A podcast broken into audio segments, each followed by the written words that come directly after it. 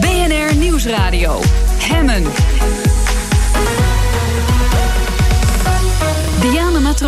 Welkom bij Hemmen, uw dagelijkse deep dive in het nieuws. Cambodja wordt steeds meer een dictatuur. Intussen zit de premier Hun Sen er al 30 jaar en zijn macht wordt alleen maar groter. En daar verandert ook na de verkiezingen van dit weekend helemaal niets aan. Victor Koppen volgt de situatie op de voet, want hij is de advocaat van Hun Chea, de hoogste nog levende leider van de Rode Khmer in Cambodja. Van harte welkom. U Hallo. bent dus eh, goed op de hoogte van de macht in het land en ook de actualiteit. Als we het hebben over die verkiezingen, de huidige premier gaat hem gewoon weer winnen, toch? Is een zekerheidje. Dat is zonder enige twijfel het geval, ja. Ja. Hij, hij zit al ehm, eigenlijk sinds 79 aan de macht, nog, nog langer zelfs. En hij gaat deze verkiezingen zonder enige twijfel zijn partij opnieuw winnen. Hoe zit het dan met de oppositie? Nou, de oppositie is ehm, effectief uitgeschakeld. Ehm, in september vorig jaar is de oppositieleider Kem Sokha gearresteerd op eh, verzonnen aanklachten. Hij zou eh, bezig zijn een staatsgreep eh, voor te bereiden. Kort daarna is de partij, de oppositiepartij, zelfs ontbonden. En zijn alle parlementsleden van die partij naar huis gestuurd. Dus er is effectief geen oppositie meer. En er zijn ook veel mensen gevlucht, heb ik begrepen, omdat ze eh, nou ja, een, een celstraf riskeren. Ja, want uh, alle oppositieleden die worden verdacht van diezelfde soort feiten. Uh, feiten tussen aanhalingstekens. Dus niemand durft het land meer in. Je had ook ene Sam Renzi, als ik zijn naam goed uitspreek, en daar waren ook wat problemen mee. Dat is een voorbeeld. Ja, Sam Renzi die zit al eh, jarenlang in een soort ballingschap in Frankrijk. Uh, die komt ook al, al die tijd het land niet meer in. Dus er is effectief geen oppositie. Voor zover die natuurlijk ooit effectief is geweest in de, in de laatste 40 jaar. Ja, want hij heeft al ontzettend lang heeft hij de macht in het land. Laten we even naar deze premier kijken. Wat voor man is het? Wat is zijn achtergrond? Um, nou ja, hij, is een, uh, hij was een prominent lid van de Rode Khmer. Uh, u, u, zei, mijn cliënt die ik bijsta bij het Rode Khmer Tribunaal... Uh, was een van de senior leiders, dat klopt. Uh, maar Hun Sen zelf was ook een, een, een belangrijk lid. Uh, in 1975 was hij de, het, het, het, hoofd van een regiment. hij had 2000 man onder zich. Hij was dus een, een, belangrijke militair binnen de Rode Khmer. Uiteindelijk is hij overgelopen naar de Vietnamezen in 1977. En is eind 78 teruggekomen met het Vietnamese leger om de macht over te nemen van het deel van de Rode Khmer dat door China werd gesteund waaronder mijn cliënt. En sindsdien, hij is eerst minister van Buitenlandse Zaken geweest, de jongste ooit, op 26-jarige leeftijd. En een korte tijd later is hij premier geworden. Want de Rode Khmer werd eigenlijk een beetje in tweeën gesplitst tussen China en uh, Vietnam. Ja, er is, zo zou je het uh, ruwweg, Even grofweg kunnen ruwweg, zeggen. Ja. ruwweg kunnen zeggen. Eén deel werd gesteund door China, een ander deel door de Sovjet-Unie. Uh, er was een, een, een heftige strijd tussen die twee communistische landen in de tijd. Um, en uh, Vietnam heeft op een gegeven moment de macht gegrepen en heeft uh, de nummer twee, de huidige nummer twee, toen eerst als pre president daar neergezet. En vervolgens heeft Hun Sen, omdat hij uh, toch veel getalenteerder was dan Henk Samrin, de nummer één, toen, die heeft vervolgens de macht gegrepen en, en gehouden. En was het toen meteen een dictatuur toen hij de macht heeft gegrepen?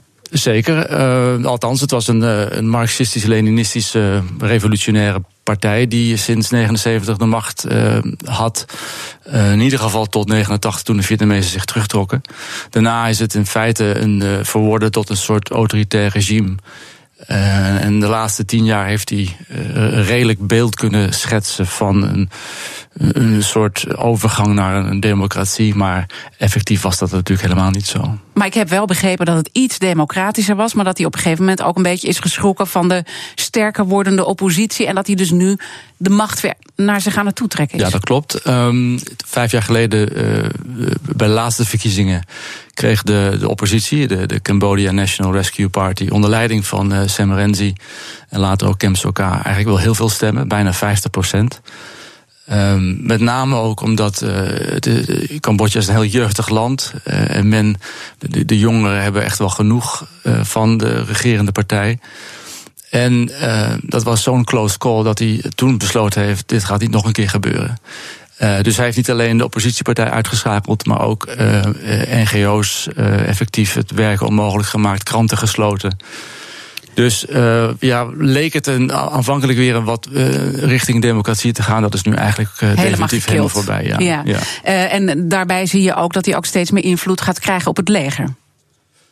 Uh, ja, nou Zijn ja. zoon hij, bijvoorbeeld heeft daar een dat, rol? Dat klopt. Hij heeft, had natuurlijk altijd al grote controle op, op het leger. Hij, hij is, hij is zelf een, een, een eh, legeraanvoerder, Ja. wat ik net zei. Uh, zeg maar, al de hoge militairen waren ook allemaal Rode Khmer-leden uh, in de tijd. En hij is nu langzaam uh, de volgende generatie aan het voorbereiden om voor machtsovername. Dat is inderdaad Hoen Manet, zijn oudste zoon. Die zal vermoedelijk TZT zijn opvolger worden. En die heeft nu ook al een hoge functie binnen het leger. U bent natuurlijk de advocaat van Nunchea. Hij was de tweede man van de Rode Khmer naast Paul Pot. En daarvoor bent u ook in dat land gaan wonen. U woont er dus al heel erg lang. Hoe lang intussen? Uh, vijf jaar. Vijf jaar? Uh, vijf en een half jaar. Ja. ja. Hoe, hoe, hoe kijkt de bevolking nu naar die uh, verkiezingen en naar de macht in het land? Uh, ja, ik denk redelijk machteloos. Um, men wil eigenlijk helemaal niet gaan stemmen. Uh, heel veel mensen die ik spreek, die hebben helemaal geen zin meer om zondag naar de stembus te gaan. Dat zal nog best lastig worden, want Hun Sen wil natuurlijk een grote opkomst. Um, maar ja, het is, een, het, is een, het is een beetje een moedeloze situatie op dit moment. En een moedeloze situatie is het denk ik ook als we kijken naar uw cliënt, die u al jaren bijstaat in die ingewikkelde zaak. Ja, dat, dat tribunaal, dat is, uh, dat, dat, ja, daar is heel veel kritiek op uit oefenen. Is dat proces is in feite een soort showproces geweest al die jaren. Um, omdat natuurlijk met name die, die Cambodjaanse rechters zo onder invloed staan van, van, de, van de regerende macht. Men, wil een bepaalde versie van de historische werkelijkheid presenteren en de rechters houden zich daaraan. En ja, de vraag is waarom ik daar eigenlijk überhaupt nog zit. Maar ja. Ja, u, u, kijkt er echt een beetje. We, we spraken elkaar ook voordat, u de uitzending, voordat we samen de uitzending ingingen.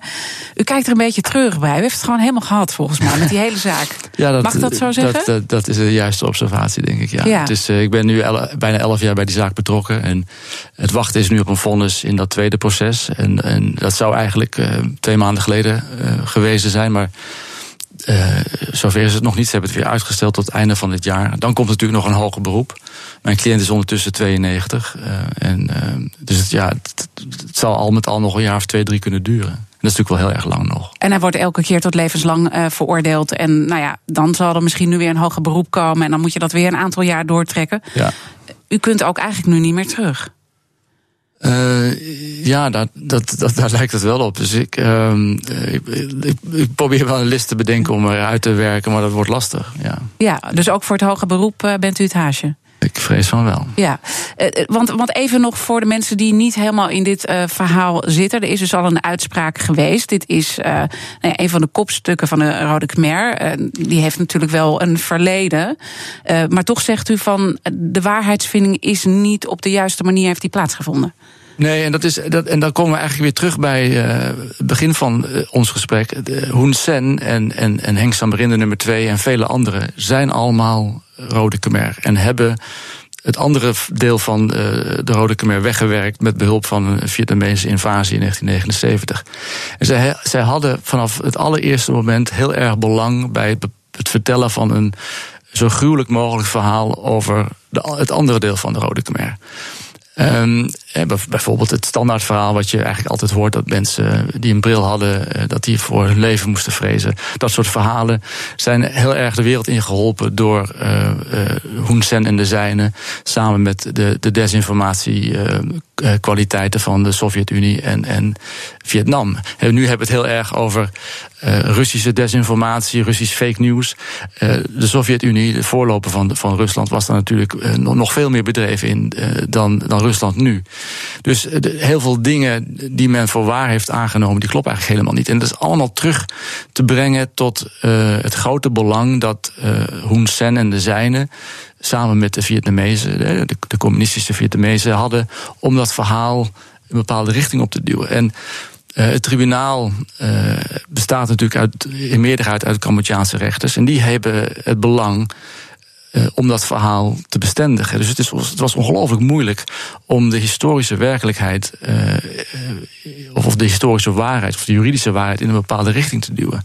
En dat maakt het zo frustrerend. Er is ook een documentaire, men heeft u gevolgd ook tijdens dit proces. En dan zie je ook, nou ja, heel pijnlijk eigenlijk dat u op een aantal momenten gewoon echt letterlijk wordt tegengewerkt door de rechters. Daar doet u ook steeds het beroep op. Om te zeggen van hoe kan ik anders mijn werk doen? Ja, dat, is, dat was de grote frustratie. Want je, je hebt toch een soort, uh, ja, een achteraf gezien, wellicht naïeve veronderstelling dat uh, men echt geïnteresseerd is in, in de historische waarheid of de historische werkelijkheid. Maar uh, als je echt gaat verdiepen in dat land en je begrijpt wat de belangen zijn van de huidige regering, dan, dan, dan weet je natuurlijk dat dat natuurlijk helemaal niet zo is. Dan hoop je nog dat het internationale gedeelte van, die, van het tribunaal dat wel wil doen. Maar dat bleek eigenlijk ook helemaal niet het geval te zijn. Vandaar dat het een uh, zo frustrerende aangelegenheid was. En dat is ook het proces wat we zien hè, in die documentaire, dat u ook daarover gefrustreerd eigenlijk uh, raakt. En teleurgesteld eigenlijk in de kracht van het recht, van het internationaal recht. Ja, uh, dat klopt. En uh, het, is, het is heel pijnlijk om, om, om te observeren, om, om te ondergaan. Want uh, je gaat er natuurlijk heen met de beste bedoelingen. Uiteraard in de, in de volle wetenschap dat ook mijn cliënt dingen op zijn geweten heeft. Het is geen schatje. Nee, absoluut niet.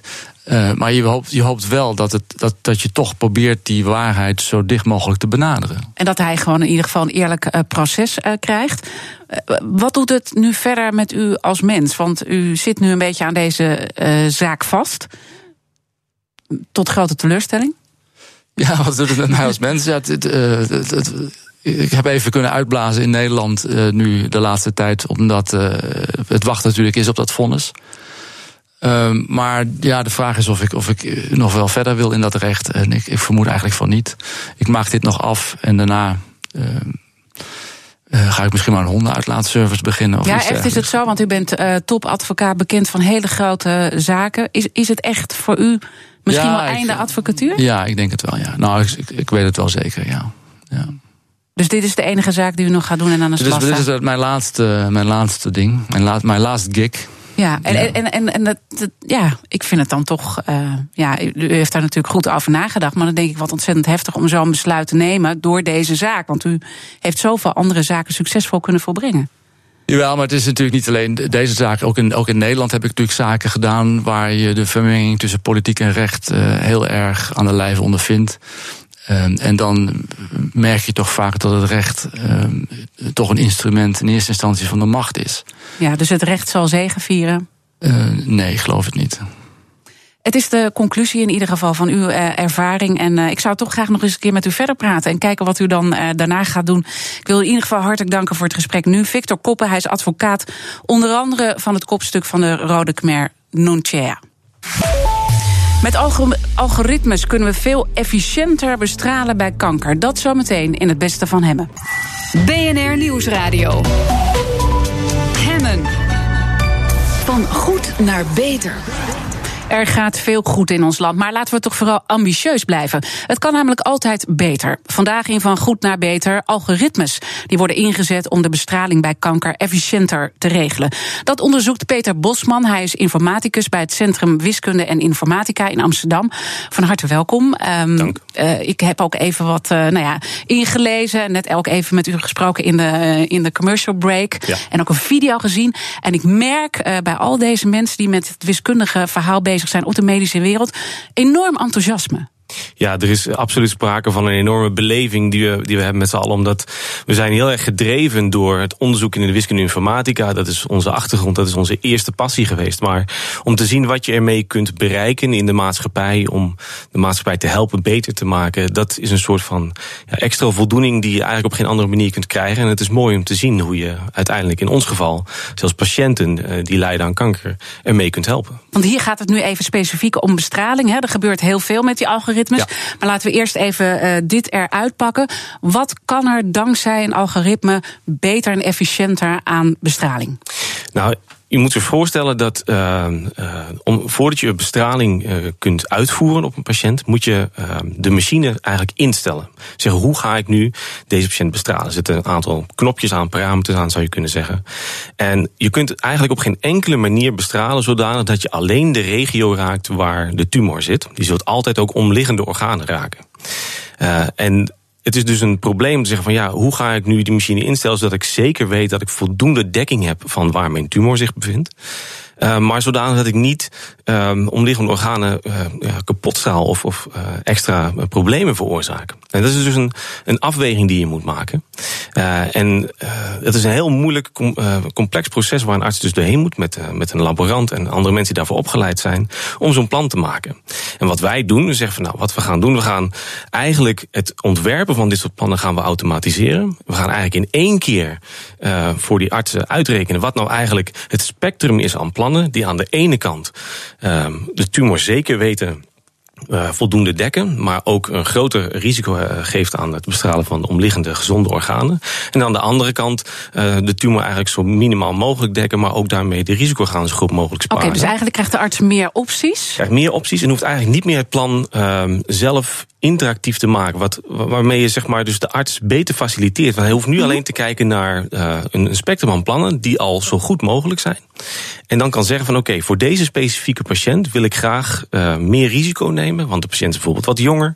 En dan zeggen we oké, okay, en dan gaan we voor deze patiënt gaan we dit plan nemen. En dan kan die zeg maar, door onze algoritmes kunnen we de artsen beter uh, hun, hun, medische kennis laten inzetten. Omdat ze niet meer tijdens dat, dat ontwikkelproces van het plan zelf meer hoeven te denken, wat heel uh, oninzichtelijk is.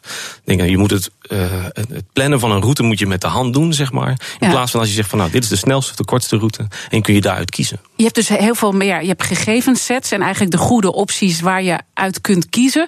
Wordt het daarmee niet ook wel weer lastiger voor een arts? Want hoe meer informatie je hebt, hoe moeilijker misschien ook je afweging wordt. Ja, maar je moet je voorstellen dat eigenlijk. Uh, dat die informatie ook al aanwezig was als je het plan aan het maken bent. Alleen het is nog veel ingewikkelder. Je bent namelijk die afweging aan het maken terwijl je aan de knoppen van de machine aan het draaien bent. Dus waar je uitkomt is veel minder inzichtelijk dan als ik van tevoren met mijn computers zeg maar uitreken waar je uit kunt komen eigenlijk. En dan kunt kijken, uh, wat is nou het beste plan? En, en natuurlijk, je moet niet uh, een miljoen plannen voor gaan leggen, want er is geen tijd om die allemaal door te nemen. Zeker in het project wat wij doen, het brachytherapieproject, is een gelimiteerde tijd tussen de tijd van, waarin uh, een implantaat wordt ingebracht bij de patiënt en de tijd die bestraald moet worden. Dus moet binnen een uur ongeveer moet er een plan liggen. Dus je moet, je moet daar uh, wel. Je moet niet, niet te veel plannen neerleggen, anders wordt het inderdaad uh, ingewikkelder. Uh, u geeft de snelheid uh, aan. Is het niet, hè, want aan de ene kant kan een arts efficiënter werken, omdat ja. hij betere opties heeft. Kan hij ook sneller handelen daardoor?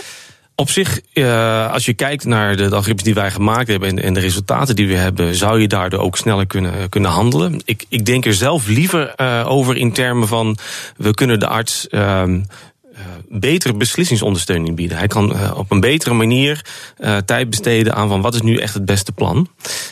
dus in die zin bouw je eigenlijk ook meer maatwerk in. Juist, toch? We gaan richting het maatwerk eigenlijk steeds meer met dit soort dingen. Um, je zou zelfs kunnen denken naar shared decision making, omdat je een soort van je hebt keuzes, hoeveel risico wil je nemen, hoeft niet alleen meer de arts te doen. Je zou in de toekomst zelfs daar patiënten bij kunnen betrekken, omdat het heel inzichtelijk wordt wat de mogelijkheden zijn. Um, op welke termijn kan dat? Dat een patiënt zelf gaat meebeslissen over wat gaan we doen qua behandeling? Um, de, de, de zeg maar de, de, technische kant daarvan uh, is wat mij betreft nu al mogelijk. Alleen het is natuurlijk een proces waarin uh, de medische wereld zich bevindt. Ik ben zelf geen medicus, dus ik wil daar niet al te veel uitspraken over doen. Maar um, ik denk wel dat het is wat, wat steeds meer gaat komen. Ook um, dat je uh, feitelijk kunt laten zien op basis van getallen van oké, okay, dit is de data die we mm -hmm. hebben en daar komt dit uit. Kunnen daar gaat de medische wereld natuurlijk sowieso meer naartoe. Precies. We hebben steeds mondigere patiënten die steeds meer informatie hebben. En dit zou een set kunnen zijn die je daaraan zou kunnen Precies. toevoegen. het klinkt ook een beetje als het personalized medicine, ja. waar je al uh, met bijvoorbeeld uh, met chemokuren ja. heel gericht een tumor komt behandelen. Ja.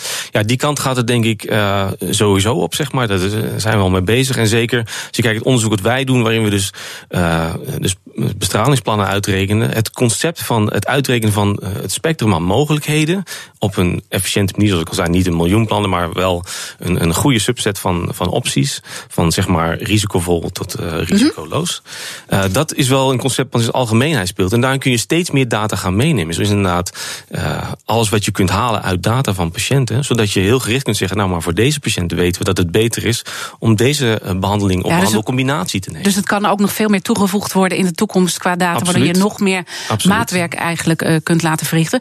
nu zijn jullie ook al met bedrijven in gesprek. Um, er wordt ook al getest, hè, neem ik aan? Ja, wij in, in dit specifieke project wat we hebben, zeg maar, het brachytherapie radiotherapieproject. Dat is een heel specifieke vorm van bestraling waar wij aan werken op dit moment. werken we samen met het, het AMC hier in Amsterdam.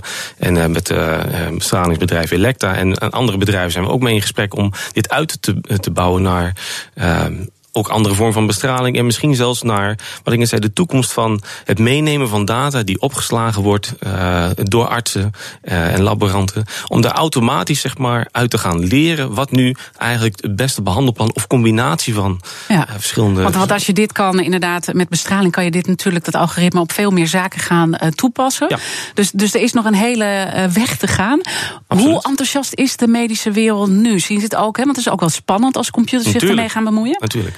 Hey, uh, kijk, wat wij zien in ons specifieke project, zeg maar, dat artsen heel erg enthousiast zijn. En ik denk dat dat komt ook om, door de manier waarop wij werken. We heel nauw samen met de artsen werken, zeg maar, niet alleen maar gewoon uh, een, een, algoritme maken wat één plan geeft en zegt: dit is het. Uh, nee, we, we, luisteren heel nauw naar wat, hoe zij kijken naar problemen en proberen dat te vertalen in hoe de, zeg maar, de computer het beste plan kan voorbrengen, of in dit geval het beste spectrum okay. van plan. Dus het enthousiasme is er, maar wat is er echt nodig om dit te laten vliegen? Want dat is uiteindelijk wat u wil en de medische wereld hopelijk ook? Uh, nou ja, er, is, er is een aantal dingen voor nodig. Uh, ten eerste natuurlijk is er altijd subsidie nodig om het onderzoek te kunnen doen.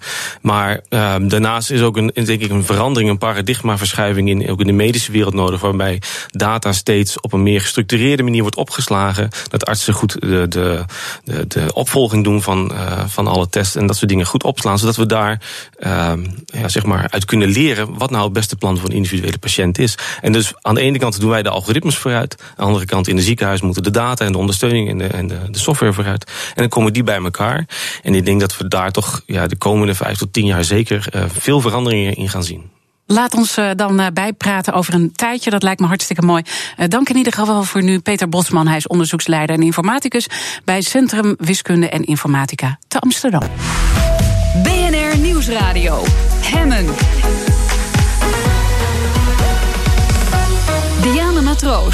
U luistert naar Hemme, uw dagelijkse deep dive in het nieuws. Ja, en opeens stond het daar zwart op wit in het regeerakkoord. De aankondiging van een experiment met legale wietkweek en levering aan coffeeshops in maximaal 10 gemeenten.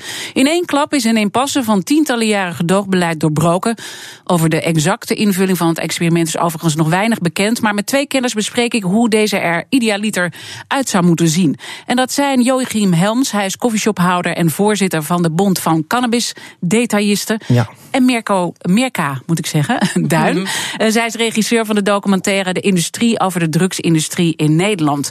Uh, allebei van harte welkom. Uh, we gaan straks even praten ook over wat jij allemaal hebt blootgelegd. Natuurlijk uh, in die documentaire. Maar ik wil graag even beginnen met Joachim Helms. Ja. Jij bent natuurlijk al heel lang bezig met het legaliseren van die achterdeur. Hè? Ja, ja maar we zijn wel al langer dan twintig jaar bezig om die achterdeur op een, op een goede manier te regelen.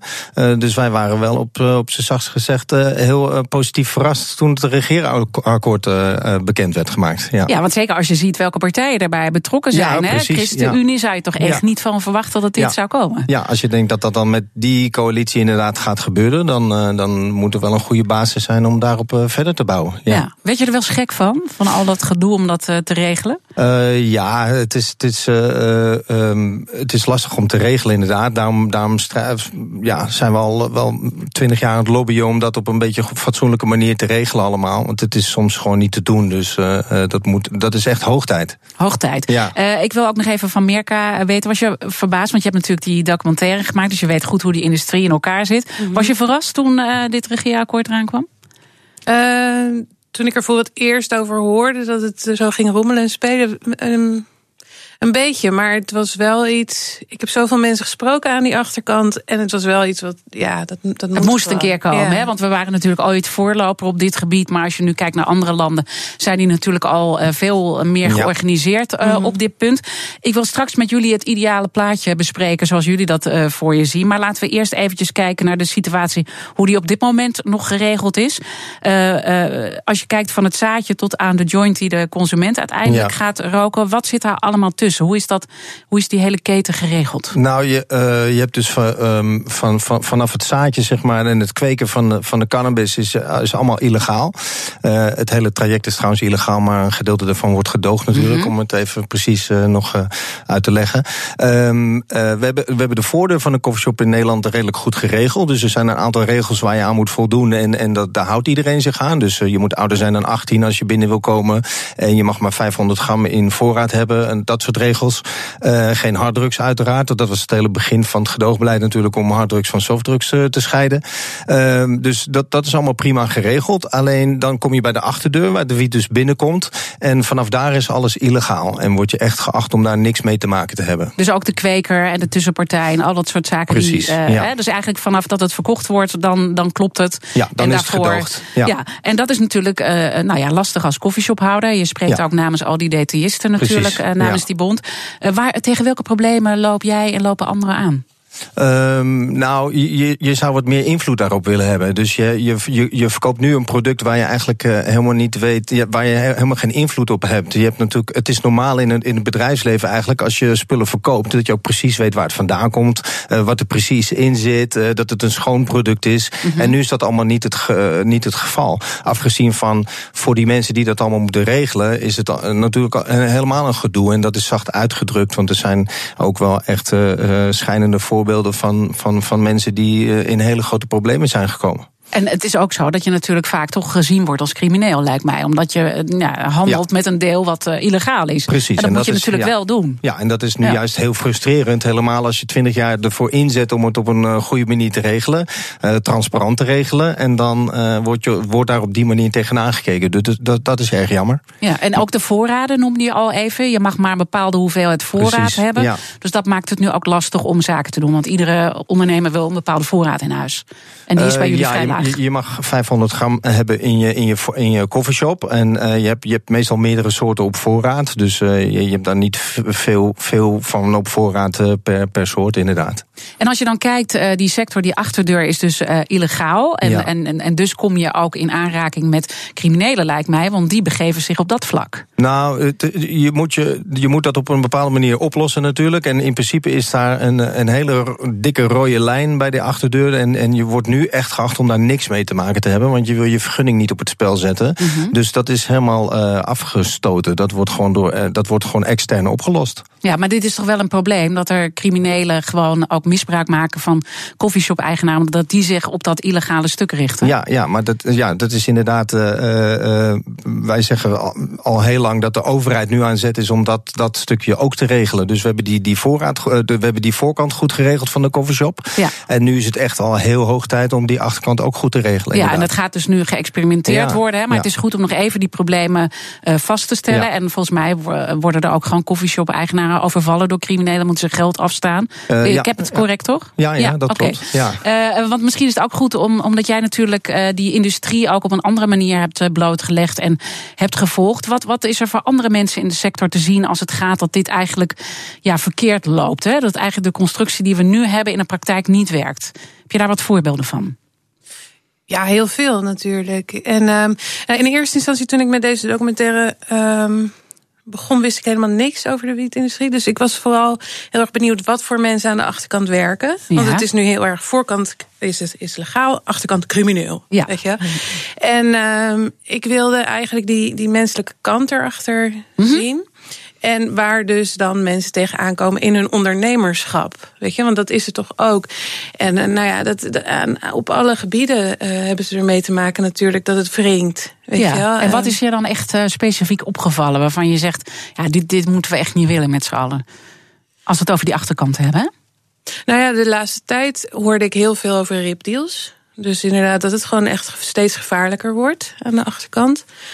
Um, ook omdat er steeds um, meer verboden is, ook bij het faciliteren van de teelt en zo. Zijn kleinere mensen er toch een beetje uit. En de dan, idealisten en de eigenlijk op dat gebied. Misschien of nou ja, idealisten die er zuiver in zaten. Ja, precies. En het wordt steeds harder daardoor. Dus dat, dat zag je veel gebeuren. En dat mensen ach- achtervolgd worden op straat. Weet je, als ze dus inderdaad met een rugzakje wiet eh, naar de koffieshop gaan. En dat dan in de gaten wordt gehouden waar hun plantages zijn. En het werd gewoon steeds gevaarlijker. Dat is, dat is wat ik meekreeg. En volgens mij ook een interessant verhaal wat jij tegenkwam, is dat de legale wereld vaak opeens verandert in een illegale wereld. Dan had je een voorbeeld van het UWV bij. Ja, dat, dat klopt. Dat was een vrouw die werkte met een, andere, met een team aan vrouwen als jointroller. En die was aangenomen bij een shop via het UWV. Of tenminste, een deel van haar team was via het UWV daar Het terechtgekomen. UWV had gezegd: goede job, moet je gaan werken. Ja, het zat gewoon in de kaartenbak. Oké. En- Ik wist niet dat het bestond, maar jointsrollen is een baan. Ja, ja, ja, zeker. Ze moeten ergens vandaan komen.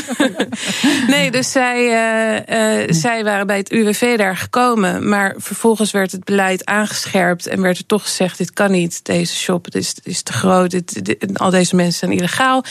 En eh, toen werden ze opgepakt. En nu heeft ze een strafblad. Dus daar zag je, dat is iets wat in de afgelopen tien jaar natuurlijk is gaan verschuiven. Maar daarin ging het heel erg wringen. En die vrouw die had ook echt geen idee. Dat, ja, dat is wel heel schrijnend als dat via het UWV allemaal gaat en je zit uiteindelijk dan eh, in de problemen. Eh, nou willen ze dus gaan experimenteren met dat legaal gaan maken. Wil de achterkant dat eigenlijk wel? Want eh, nu we ook een beetje zeggen van het is toch wel een criminele wereld die aan de achterkant zit, omdat het nou gewoon eenmaal illegaal is en dat trekt bepaalde lieden aan. Ja. Die zitten natuurlijk helemaal niet op te wachten dat we dat nu allemaal gaan legaliseren. Nou, ik denk dat heel veel mensen daar wel heel erg blij mee zijn. Eh, ehm, je, je moet even onderscheid maken natuurlijk tussen ehm, eh, dat je echt sinds begin jaren 2000 zijn die, zijn, is er een ander beleid ingezet op, op eh, cannabiskwekers. Eh, de straffen zijn eh, veel zwaarder geworden. Eh, eh, met, uit huiszettingen en dergelijke. En, en je raakt je baan kwijt. En, en eh, eh, nog veel meer nare gevolgen als het je even tegen zit. Eh, dat heeft ertoe geleid dat eh, heel veel kleine kwekers die echt passie hebben voor die plant. En om die kwekers gaat het nou juist. Die zijn er al lang mee gestopt. Eh, kijk, de, de, de grote kwekers voor de export, die gaan natuurlijk niet stoppen. Want dat blijft gewoon illegaal. En, en goed, dat Ja. moet gewoon aangepakt worden. En eh, daar, daar is justitie voor. En die, die eh, zal dat blijf, moeten blijven doen. Eh, maar die, die kleine kwekers, die heel graag op een legale manier willen kweken, die komen hopelijk weer terug. En ehm, als dat allemaal op een, een normale manier geregeld wordt, denk ik dat daar eh, wel animo voor is. Ja, dus die komen dan weer terug, want die Ja. zijn eigenlijk nu een beetje ermee gestopt omdat het allemaal illegaal is. Wat, wat hoor jij daarover? Ja, dat, ik hoor hetzelfde. Dus inderdaad wel grotere kwekers die zeggen... ja, als, als dat gaat gebeuren, dan, dan stop ik ermee. Dan, dan is het voor mij niet zo interessant meer. Maar kleinere kwekers die dus inderdaad er wel echt heel blij mee zijn... dat dat, dat, dat verandert. Dus dat, dat verschilt heel erg. Je hebt ook zoveel verschillende soorten kwekers natuurlijk. Er is niet één soort. Ja, en dat staat ook wel eens centraal als het om dat experiment gaat. Want de legale wiet telt. Hoe moet dat dan idealiter eruit zien? Spreken we zo meteen over. BNR Nieuwsradio. We praten verder over wiet, want het kabinet heeft in het regeerakkoord laten weten een experiment te starten met legale wietkweek en levering aan coffeeshops. Ik bespreek het verder met Joachim Helms, hij is coffeeshophouder en voorzitter van de Bond van Cannabis-detailisten. En Mirka Duin, zij is regisseur van de documentaire De Industrie over de drugsindustrie in Nederland en heeft ook heel goed naar eh, die wietteelt gekeken en hoe die achterdeur allemaal geregeld is. Het kabinet heeft natuurlijk nog weinig losgelaten over de exacte invulling van het experiment, maar misschien goed om dan hier te bespreken. In jullie ogen, wat zou de best denkbare oplossing zijn? Nou, ehm, er wordt heel veel gesproken over hoe dit er allemaal eh, uit moet gaan zien dan. En er zijn een paar dingen die er wel uitspringen eh, waarvan wij denken, nou, dat is misschien niet zo'n heel goed idee. Eén wat steeds terugkomt is dat er één grote aanbieder komt van, eh, van, eh, om die cannabis te gaan kweken en om te gaan leveren. Vanuit de Eh, staat, hè? Eigenlijk een staatsbedrijf die dit gaat organiseren. Nou, het is niet een, een staatswiet wat eh, gekweekt gaat worden. Dat lijkt me al helemaal niet verstandig. Ik denk dat de overheid zich niet bezig moet houden met het kweken van cannabis. Eh, en over het algemeen dat moet gewoon overgelaten worden natuurlijk aan de mensen die er verstand van hebben. En je ziet vanuit, we hadden het net al over Amerika en Canada bijvoorbeeld, waar het legaal is. En je ziet daar uh, dat het is een hele specifieke markt met een hele specifieke behoefte. En je ziet uh, bijvoorbeeld de hoofdkwekers in, in Verenigde Staten en Canada, die, die verdienen een heel goed salaris. ongeveer rond de 150.000 dollar per jaar. Dus dat zegt ook wel wat over de kunde die ze moeten hebben natuurlijk. Want anders hadden ze zomaar iedereen aan kunnen nemen. Um, dus het is heel belangrijk dat, dat uh, het bedrijf dat het gaat doen, of bedrijven, en ik hoop persoonlijk dat het er heel veel worden, uh, dat die een heel gevarieerd aanbod gaan kweken. Met hele specifieke goede soortjes die, die, uh, de, die de consument wil roken. Ja. Want, want, het want als we even, ik bedoel, niet iedere luisteraar hier die rookt een jointje waarschijnlijk, ja. maar nou, misschien dan nog wat inzicht ja. te geven. Nou, ik hou er niet van om het te vergelijken met alcohol, want ik vind het, het is een hele andere soort genotsmiddel. Maar als je het vergelijkt met alcohol bijvoorbeeld, dan zou je nu een café openen met, waar alleen maar Amstel en Heineken te koop is. En uh, wat tegenwoordig natuurlijk, wat je ook in dat café ziet, is dat natuurlijk allemaal microbrouwerijtjes zijn met speciale bieren en dergelijke. En uh, je hebt ook niet één soort wijn, uh, de huiswijn. Nee. Je hebt al verschillende soorten wijn. Zo, okay. daar kan je het maar, een beetje mee vergelijken. Maar zou dat nu al in dat experiment zo ontzettend belangrijk zijn? Want je kan, ja, juist. Ja. leg eens uit waarom. Nou, het is natuurlijk belangrijk om, om het in één keer goed te doen. We hebben onder consumenten een enquête gehouden. Dat, dat heet de Grass Poll. En daaruit blijkt dat bijna de helft van de consumenten hun cannabis niet in de koffieshop haalt. Dus die haalt het ergens anders. Uh, dus wat heel belangrijk is, is dat de, uh, de wiet die geleverd wordt aan de koffieshop, dat die aansluit bij de wensen van de consument. En uh, dat kan beter dan dat het nu is. omdat we nu natuurlijk totaal geen invloed erop hebben. Dus wat heel belangrijk is, om het maar weer met dat café te ver vergelijken, dat je niet alleen maar evenementenbier hebt, maar dat je juist die soortjes hebt die de consument wil roken. Maar is het dan ook niet zo wat nu op de zwarte markt komt, hè? die 48 procent, die ja. dus niet in de koffieshop koopt omdat ze andere soortjes willen ja. hebben, dat het gewoon soortjes zijn die, waar gewoon veel te hoge hoeveelheden in zitten en die misschien wel lekker zijn voor die consument, maar misschien niet per se goed. Nou, je ziet, uh, nou ja, wat je ziet is, uh, we zijn een beetje bezig in Nederland alsof we nog aan het pionieren zijn, maar dat zijn we natuurlijk niet. Je ziet nu ook in, in Amerika, waar al die gereguleerde soortjes uitkomen, um, daar, daar zijn ook geen maxima aan THC bijvoorbeeld. daar komt al heel veel van hier naartoe en dat wordt op de zwarte markt gewoon gekocht. En dat wordt gekocht voor, voor prijzen die liggen drie, vier keer zo hoog dan, dan in de koffieshop. En de prijs in de koffieshop is al vrij hoog, vind ik zelf. Dus dat geeft wel aan wat die consument graag wil roken. En uiteindelijk moeten we het natuurlijk doen om die, om die roken te bereiken. Dus ja, uh, dat maar, is heel maar, belangrijk. Maar, maar moet het niet ook ergens begrensd worden? Ik bedoel, zeker als de overheid zich hiermee gaat bemoeien. Uh, nee, ik denk niet dat het begrensd moet worden. Uh, ja, dat, dat is weer een beetje een wetenschappelijk verhaal. Maar ik denk dat het aan moet sluiten bij de wensen van de consument. En, uh, ja, maar dat lijkt me dus zo lastig. Misschien merken met alles wat jij gezien hebt. Kijk, nu de overheid zich op dat pad gaat begeven, moet je natuurlijk ook voor die consumenten zorgen. En kan je niet maar ongebreideld gaan toegeven in wat de consument wil. Want dat is niet per se goed misschien voor die consument. Ja, ik ben het met Joachim eens. Ik, ik denk dat je daar niet. Tuurlijk, er moet geen rommel in de wiet, in, in de wiet zitten. En het moet op een goede manier geteeld zijn. Maar de, de, de sterkte of zo, ja, daar moet gewoon goed advies over meegegeven worden als je het koopt in de koffieshop. Mm -hmm. Maar dat is je eigen risico. Net als dat je stroom kan drinken of zo. Weet je, als je dan toch die alcohol vergelijking maakt. Want jij denkt ook dat op het moment dat je dat niet regelt, mensen dan op de zwarte markt alsnog het blijven kopen. Ja, en dat dus ik. niet het probleem oplost. Oké, okay, dus dat is één belangrijk aspect. Zorg dat er dus verschillende nou ja, fabrikanten komen ja, het eigenlijk. Het is belangrijk dat, het, dat, dat je een schoon en, en eerlijk product kan leveren. En uh, dat is eigenlijk veel belangrijker dan het, bijvoorbeeld het percentage THC. Want dat gaat nu even te ver om kort uit te leggen. Maar mm -hmm. er zitten veel meer bestanddelen in. En de combinatie van die bestanddelen die zijn veel belangrijker dan de hoogte van de THC die in die cannabis zit. Ja, bijvoorbeeld dus, slechte metalen of zo die erin ja, zitten. Ja, precies. Dus als je de wiet kan testen zijn. en aan kan tonen dat het schoon is, dat, okay. dan daar haal je veel meer voordelen mee. Uh, nou, begrijp ik ook dat jullie ook graag zouden zien dat de coffeeshops hier een belangrijke nou ja, stem in ieder geval in gaan ja. krijgen. En mogelijk ook de productie op zich uh, gaan nemen. Zou je die werelden juist in elkaar moeten gaan vermengen? Is het niet juist beter om dat gescheiden te houden? Nou, ik denk, ik denk dat, je, dat, dat, je, dat er verschillende wensen zijn onder de coffeeshophouders. Ik denk dat er sommigen zich daar wel actief mee bezig willen houden. Uh, ik denk ook dat er een aantal daar zich niet mee bezig willen houden en dat liever aan anderen overlaten. Maar ik denk wel dat elke coffeeshophouder een bepaalde invloed wil hebben op wat hij inkoopt. Dus uh, ik denk dat hij het graag wil overlaten aan mensen die daar verstand van hebben. Sommige coffeeshophouders hebben daar verstand van. Van. en sommige niet. Dus het kunnen ook externe bedrijven zijn. En het kunnen zelfs ook wel bedrijven zijn die het op grote schaal kweken. Dus wel die Heineken en die Amstel leveren. Als er maar ook genoeg kwekers komen die die, die mooie specifieke soortjes kweken. Ja. heb je er een beetje fiducie in dat het goed komt? Want ze moeten vrij snel met het experiment komen. Sowieso vind jij die begrenzing van tien gemeenten. Ben je niet zo enthousiast over, heb ik begrepen? Want je zegt er moeten veel meer nu uh, gemeenten meedoen in het experiment. Ben je hoopvol met de acties die tot nu toe zijn ondernomen? Uh, nou, zolang de dialoog loopt, ben ik zeker hoopvol. Okay. Uh, en we waren in het begin ook uh, heel optimistisch. Het is echt, echt een doorbraak wat hier nu aan het gebeuren is. Maar het is echt wel heel belangrijk dat wij daarbij betrokken worden, omdat wij de consument zo goed kennen. We doen dit natuurlijk al 40 jaar. En, en wij weten precies wat die consument wil. En, uiteindelijk en dat gevoel heb je nog niet helemaal? Um, nou, er wordt, er wordt wel met ons gepraat en ik hoop dat dat het ook voortzet. Uh, we weten nog niet wie er in de begeleidingscommissie komt. Dat zouden we ook heel graag aanschuiven, al is het dan maar in een adviserende rol. Ja, uh, um, ja en dat we er wat van maken met z'n allen. Dank Joachim Helms en Mirka Duin. BNR Nieuwsradio. Hemmen.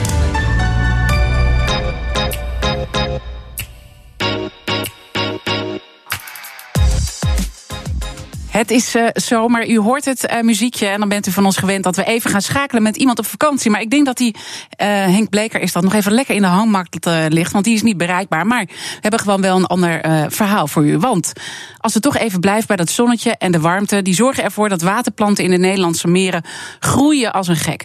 En daar hebben de recreatieboten last van. Ik zie nu iemand naar mij schakelen vanuit de regie. Hij is er toch wel. Kijk, we hebben Henk Bleker gevonden vanuit de, de hangmat. Dat is hartstikke mooi. Uh, Oud-staatssecretaris van Landbouw. Want zoals u weet, we gaan uh, met hem ook een beetje op vakantie. En dan spreken we elke dag een van onze leukste gasten vanuit de hangmat op vakantie. En dat is dus Henk Bleker. Maar volgens mij heeft u geen tijd om in de hangmat te liggen. Nee, ik, ik zit midden in het Verenigd Koninkrijk in Wales.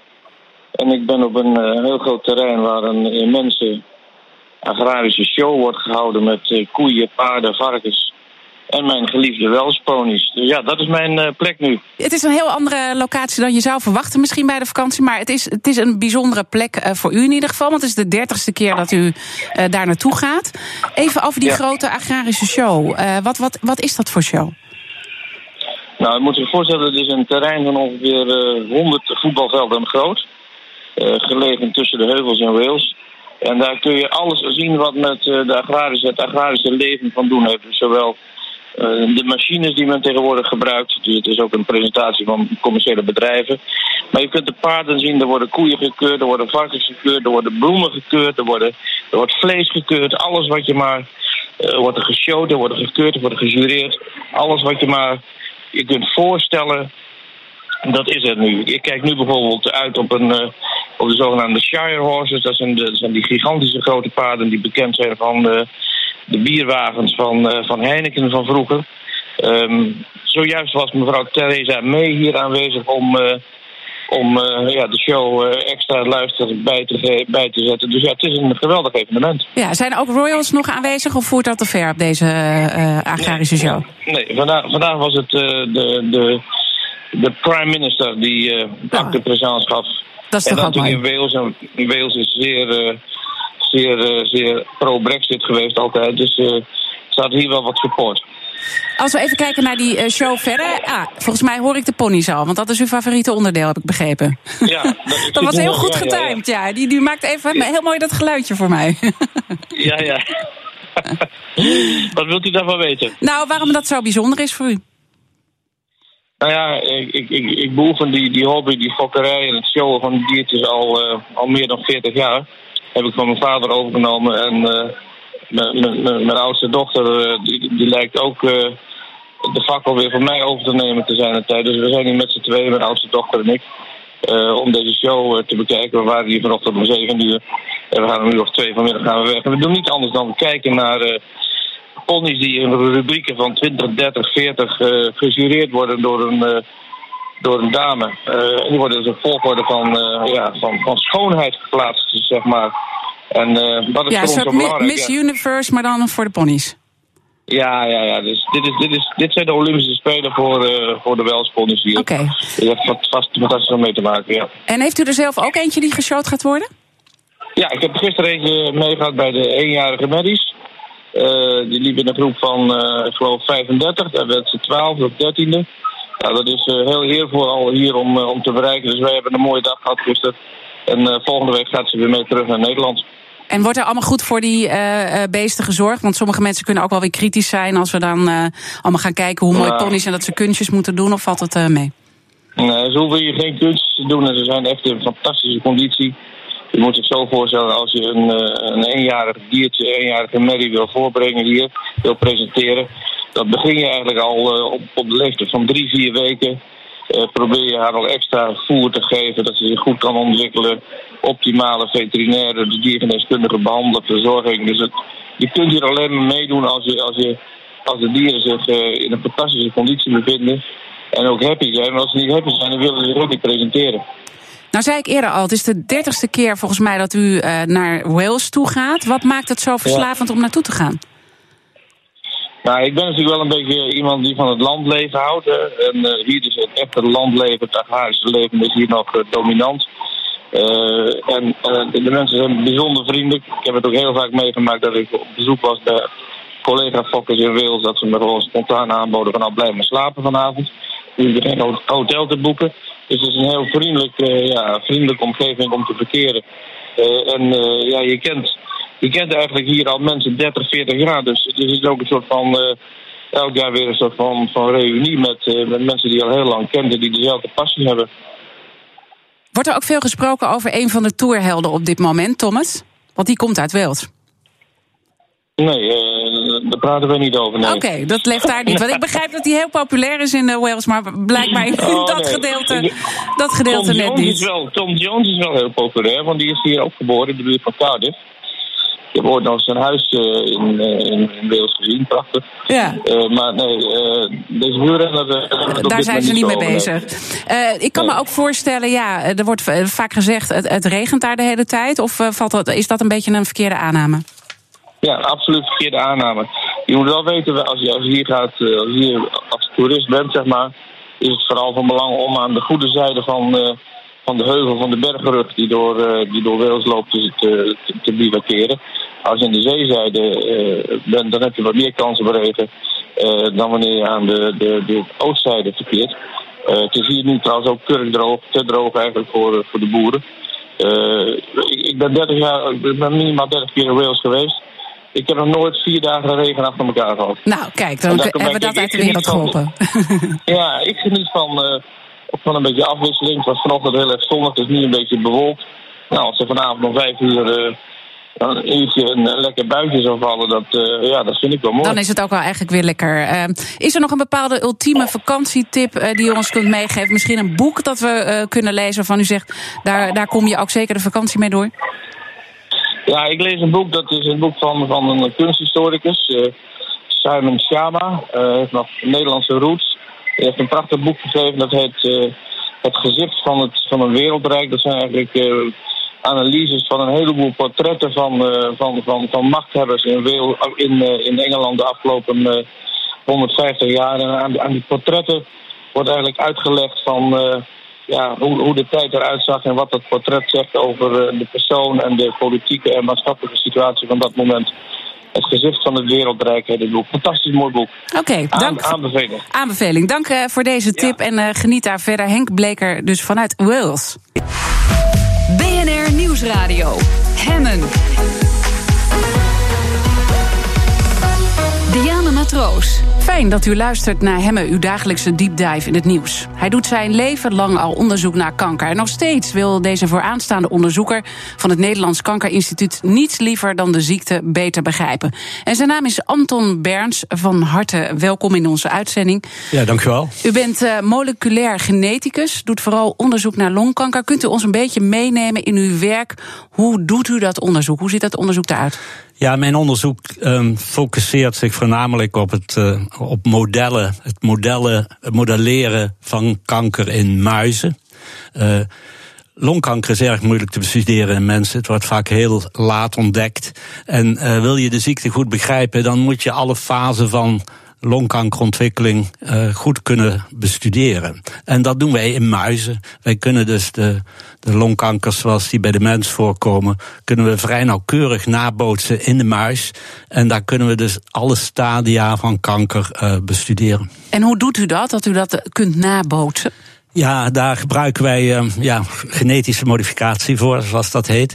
Dat betekent, we kunnen heel makkelijk nagaan wat bij de mens aan genetische afwijkingen ontstaan is bij, het bij, bij kanker. Door, door, door rook en allerlei oorzaken ontstaande veranderingen in het genetisch materiaal.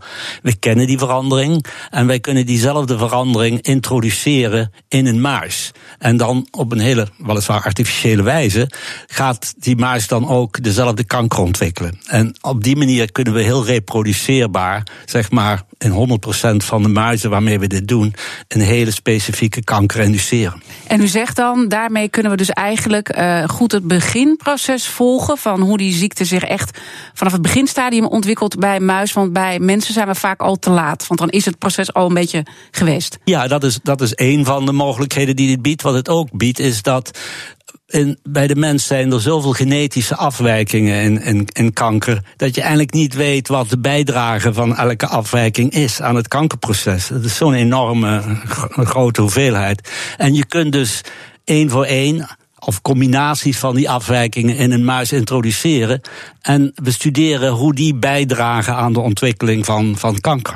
En dus daarmee kun je dingen die belangrijk zijn en niet belangrijk zijn van elkaar uh, onderscheiden. En ook hoe de zaken op elkaar in kunnen werken. Dus verschillende, uh, nou ja, hoe dat in verschillende orgaancelletjes werkt, moet ik het me ja. zo voorstellen? Ja, nou, dus in de cellen van de long, daar kunnen inderdaad die, die afwijkingen, die, die werken samen of kunnen elkaar in ieder geval complementeren. En op die manier kun je naar die interactie van die genetische factoren kijken. En uh, ja, daarnaast is een, een, een kanker die, heeft, eh, die, die leeft in een bepaalde eigen omgeving. Dus de omgeving waar die kanker ontstaat, ja, die doet mee aan het systeem. Hè. En, je moet zien, kanker is een soort, soort orgaan bijna met een eigen leven, zo gezegd. En u doet dat uh, dus met muismodellen. Uh, die, die maakt u eigenlijk ziek, waardoor u dat proces uh, kunt volgen en kunt kijken nou ja, hoe dat allemaal in zijn werk gaat. Nou, weten we vaker dat muizen worden gebruikt. Maar zijn muizen dan echt identiek aan hoe een mensenlichaam werkt? Of moet je dat toch weer. Heeft dat ook zijn beperkingen? Kan ik me zo voorstellen? Ja, dat kunt u zich zeker voorstellen. Ja. Muis is geen mens. Nee. Maar, maar, waar houdt het op en, en waar begint het? Nou ja, waar het, waar, waar het begint is dat de overeenkomst tussen ja, alle dieren, en inclusief de mens, is heel groot. Dus als we kijken naar een gene die in uh, genetische factoren die bij de mens aanwezig zijn, die kunnen we vrijwel één op één bij de muis vinden. En die zijn ook maar een klein beetje veranderd. Met andere woorden, er is heel veel uh, geconserveerd in evolutie. En, en daarom kunnen we dat doen. En de reden waarom er muizen gebruikt worden, is omdat dat eigenlijk een van de kleinste zoogdieren is. En dus wat, dat is iets makkelijker mee te experimenteren. En um, ja, ze worden al een eeuw gebruikt voor onderzoek. Dus we, dus we hebben allerlei inteeltstammen die heel identiek zijn genetisch, waardoor het onderzoek ook wat reproduceerbaarder is.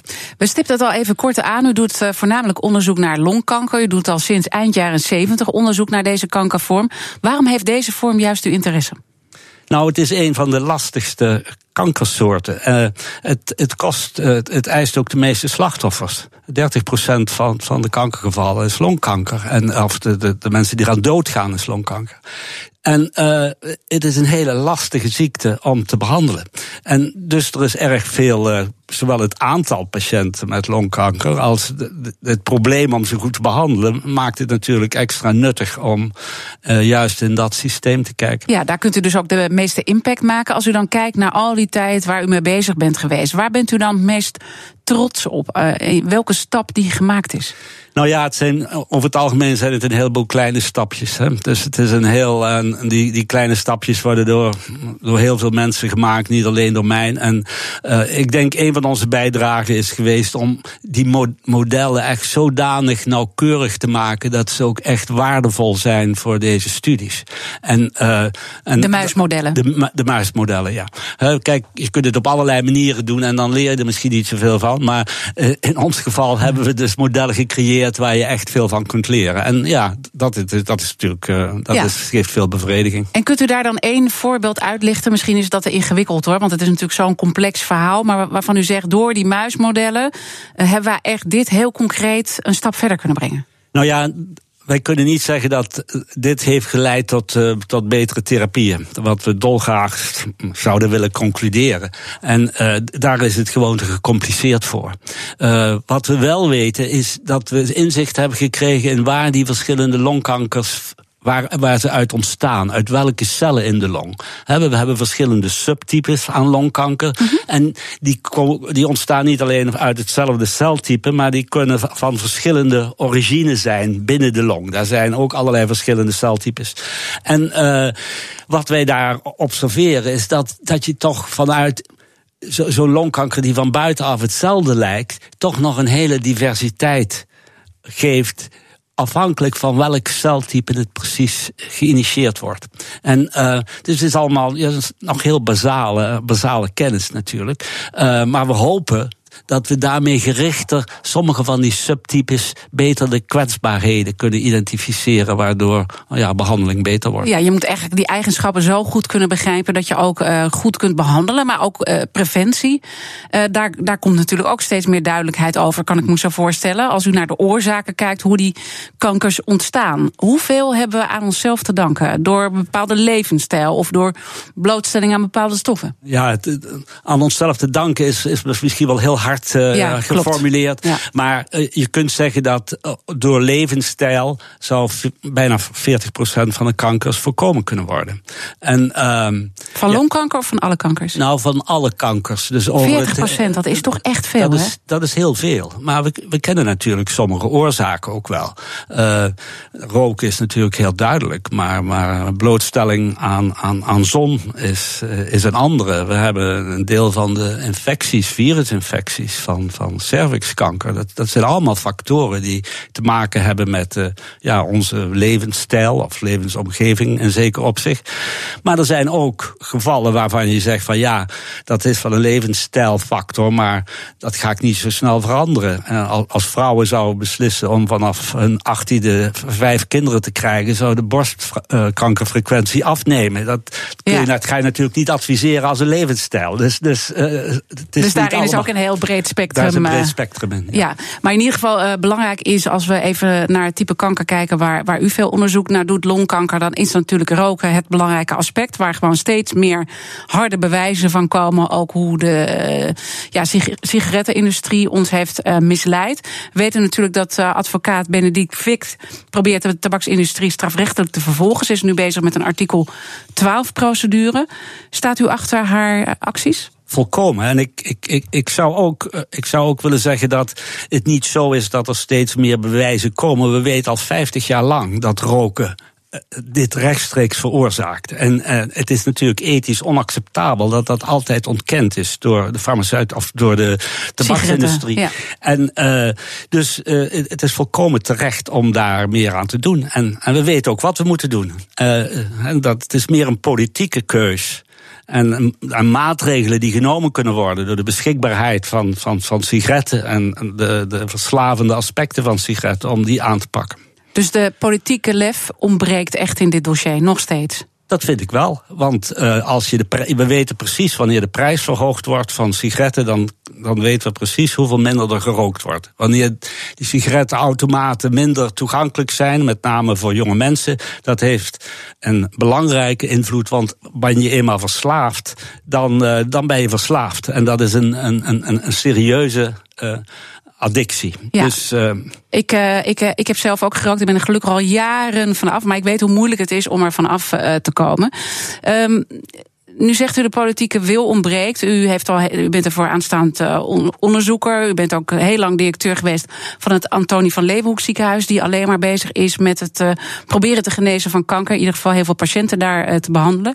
U heeft dan, neem ik aan, ook veel mensen in de politiek kunnen spreken hierover. Ja, maar er is, er is, er is natuurlijk. De politiek is natuurlijk niet een. Dat heeft geen hoge prioriteit gehad. Er komen ook nog accijnzen, er zijn ook inkomsten bij. Er is een geweldige lobby van de tabaksindustrie.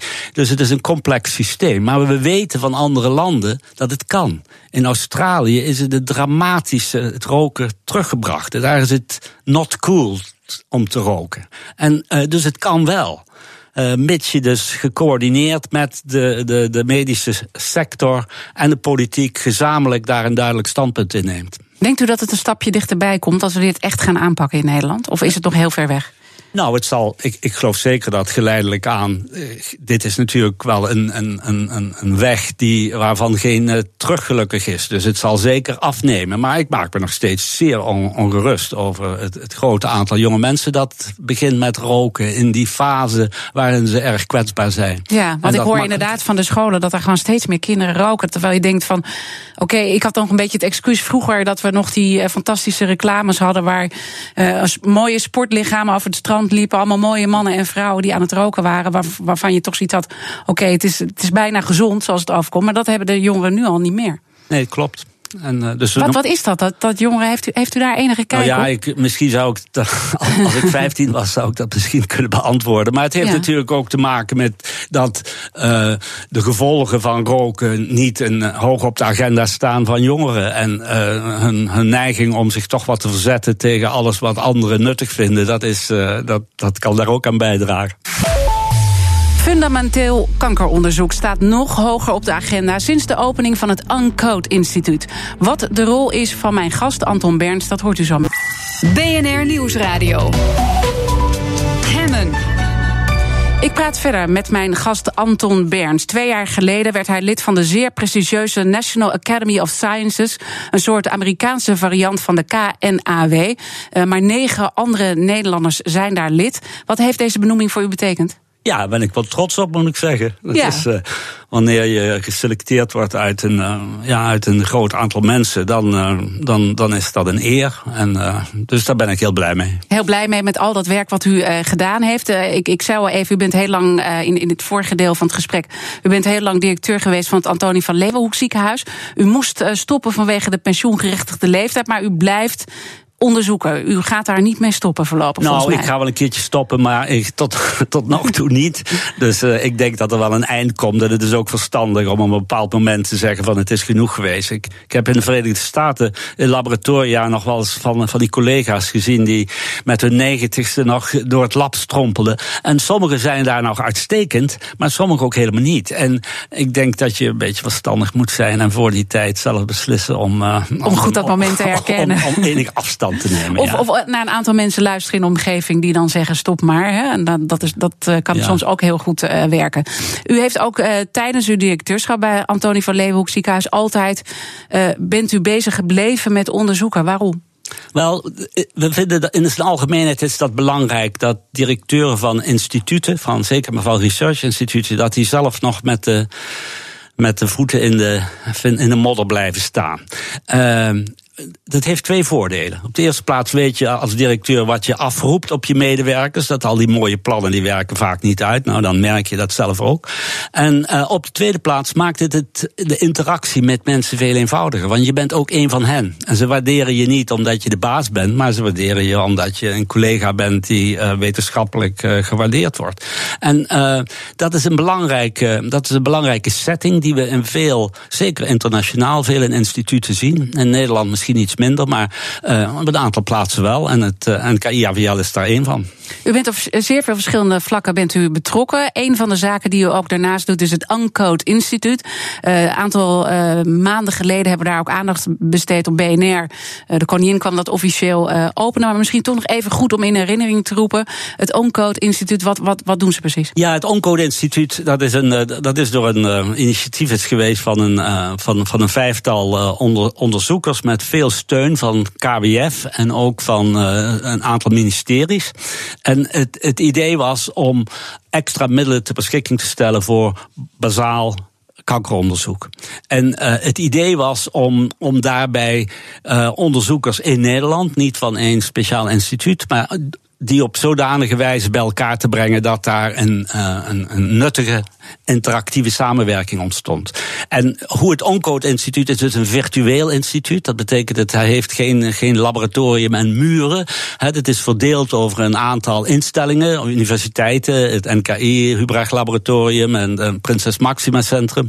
En uh, onderzoekers die daar werken kunnen lid zijn van het Oncode Instituut, als ze tenminste daarvoor geselecteerd worden.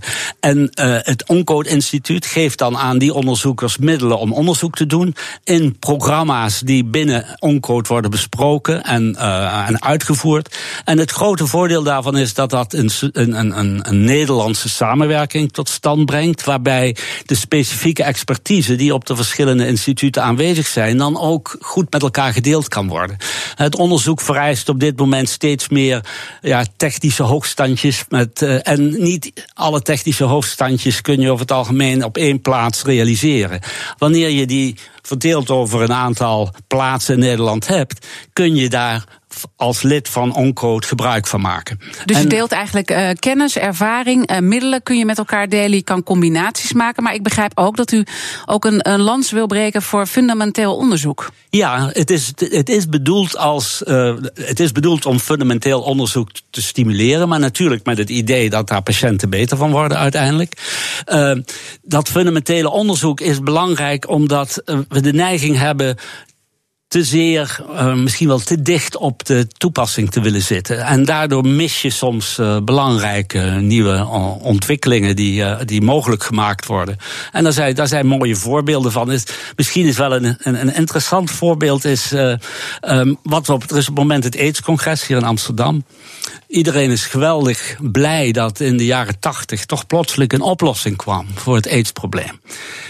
De reden dat dat mogelijk was, was dat 15 jaar eerder werd er ongelooflijk veel onderzoek gedaan naar retrovirussen, naar de virussen die ook uh, AIDS veroorzaken. Maar niet omdat toen AIDS bekend was of HIV bekend was. Het was omdat we dachten dat die virussen belangrijk waren eh, bij kanker, ook bij mensen. Dus er ging geweldig veel energie in. Dat heeft ertoe geleid dat we heel veel over die virussen leerden en, en kende.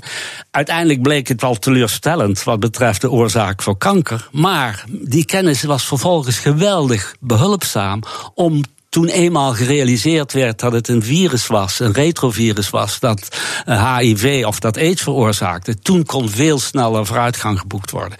En uh, hier zie je een voorbeeld dat kennis uit een ongeverwant gebied een grote impact heeft in een ander gebied. Dus het zou zo kunnen zijn, ook bij het Uncode Instituut, wat zich wel uh, rondom kanker organiseert, maar dat het zo open is, dat onderzoek, dat er ook iets totaal anders uit kan komen en dan wordt het ook opgepikt.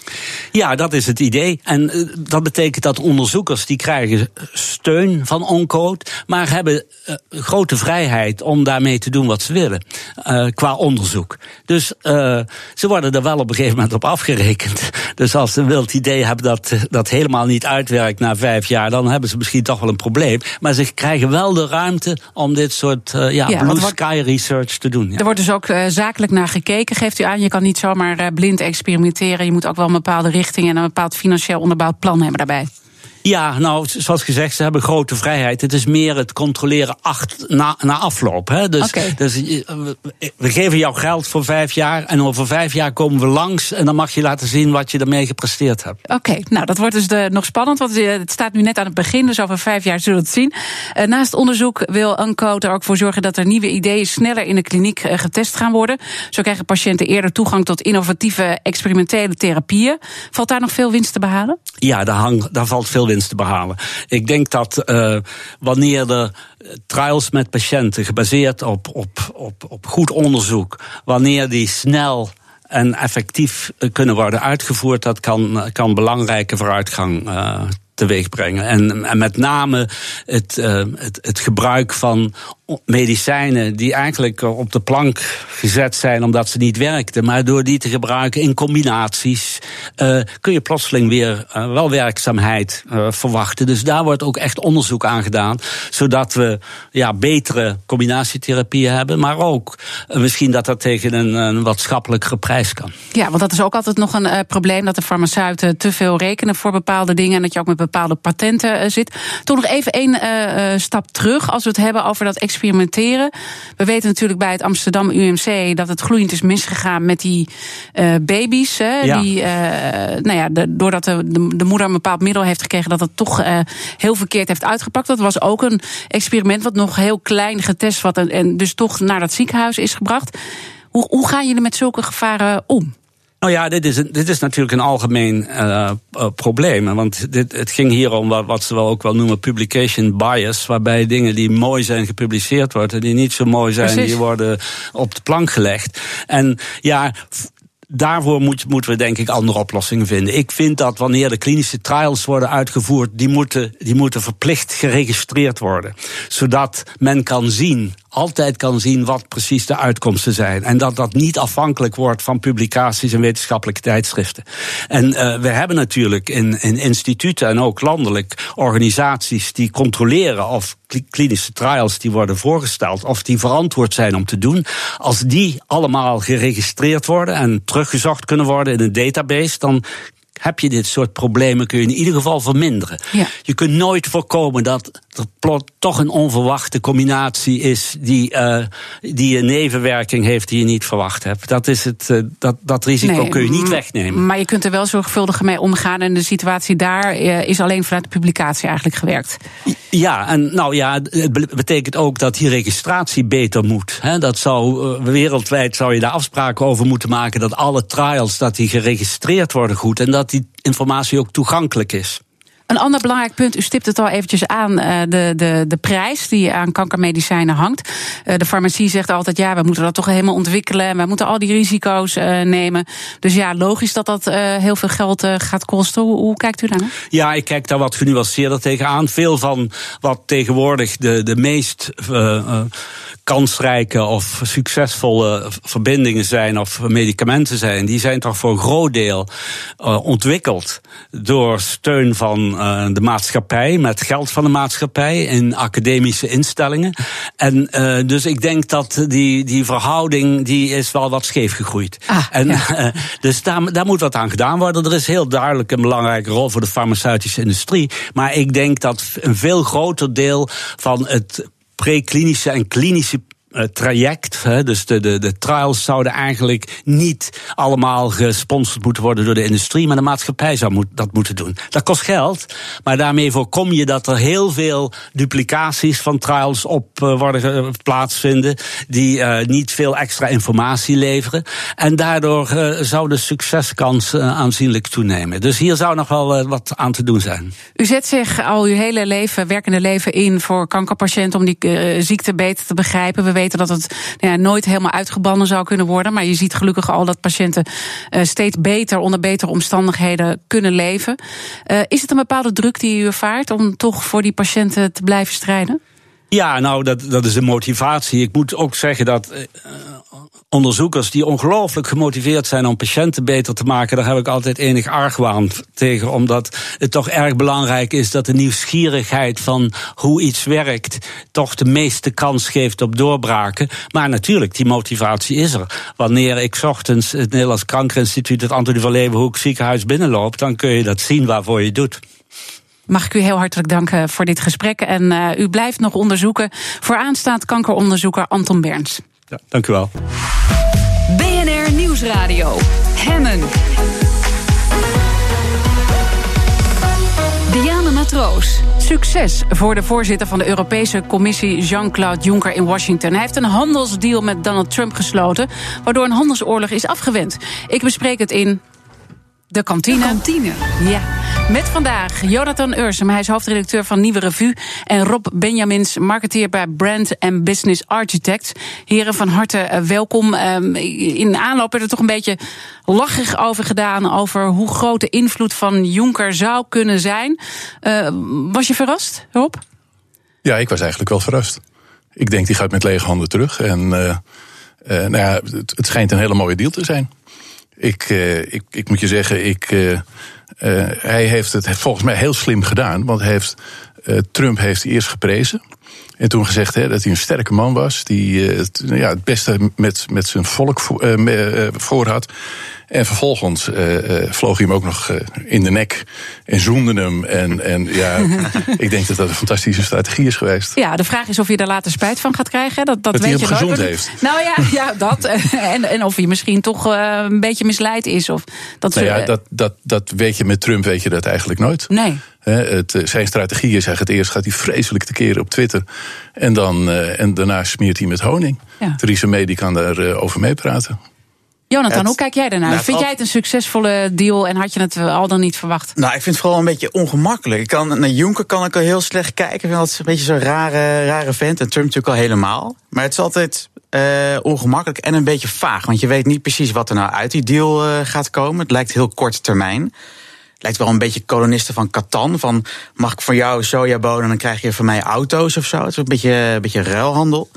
Maar wat er voor de lange termijn eh, aan zit te komen, dat volgens mij weet echt niemand dat. Nee, want er zou een een of andere intelli- intelligente groep, daar had Trump het over. Ja. Vanuit beide kanten zou dit plan nu eh, gaan uitwerken. Maar eigenlijk zei hij, ja, het is echt een grote dag voor vrije en eerlijke handel.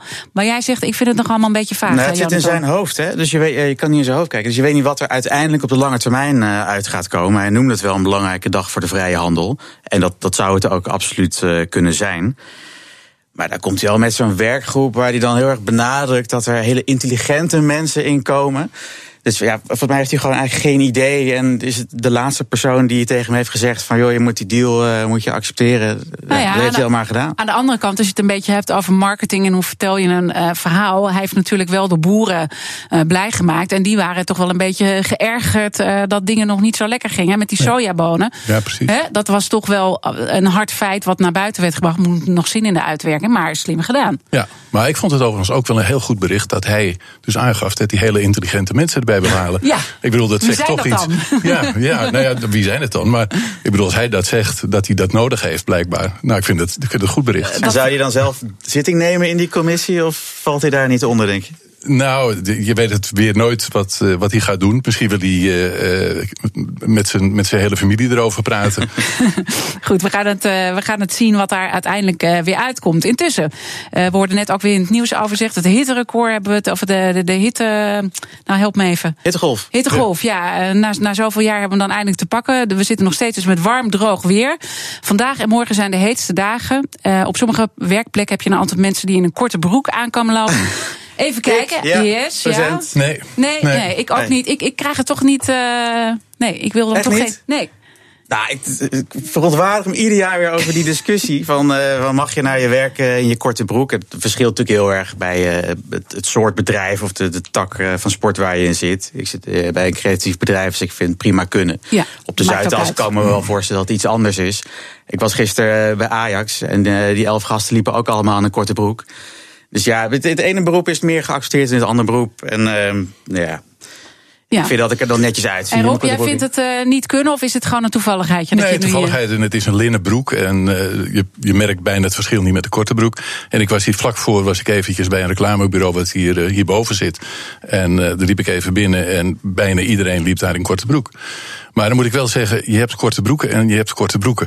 Ja, dat is ook waar. ja. ja. Eh, Je ziet ook mensen die en hebben nog even gekeken in de kast en die hebben daar een oud sportbroekje gevonden en die gaan ermee Dat lopen. kan echt en die niet, kunnen mensen. dat Nee, kan dat niet. echt- dat kan dus niet. een, een soort ethische zelfreflectie van kan het of kan het niet, die zou ik Nederlanders toch aanbevelen. Eh, voordat we helemaal doorslaan in het onderwerp van de korte broek. eh, eh, een serieuze probleem is natuurlijk het eh, watertekort. Als we het hebben over eh, de droogte en de hitte. Is dan in het zuiden en oosten van het land het geval. Mogelijk snel ook in de rest van het land. Zijn jullie zuinig met water? Of, of eh, ja, hoor je het aan en denk je het zal? Ja, en eh, ik, ik ben daar wel zuinig mee. Eh, ik heb een tuin, maar ik zit ook aan het water. Dus ik, ik gebruik vechtwater om de tuin te sproeien. En Oh. eh, ja, dat, maakt, dat geeft me geen schuldig gevoel. En dus ik, ik let daar Je speciaal let er toch uh, wel op, Jan. Ja, ik voel me vooral heel schuldig als ik wel uh, de tuin aan het sproeien ben. Maar je denkt wel over na, en dat is denk ik alleen maar goed. Uh, ja, je wil niet Zuid-Afrika achterna gaan uiteindelijk met een soort uh, droogte noodscenario, dat het water echt op is. Maar ik denk als iedereen. Nee, ik heb een dochtertje van anderhalf en daar we dan een badje voor in de tuin. En dan s'avonds gooien we het water niet weg. Maar dat, dat, daar gebruiken we dan uh, om de, de plantjes mee water te geven.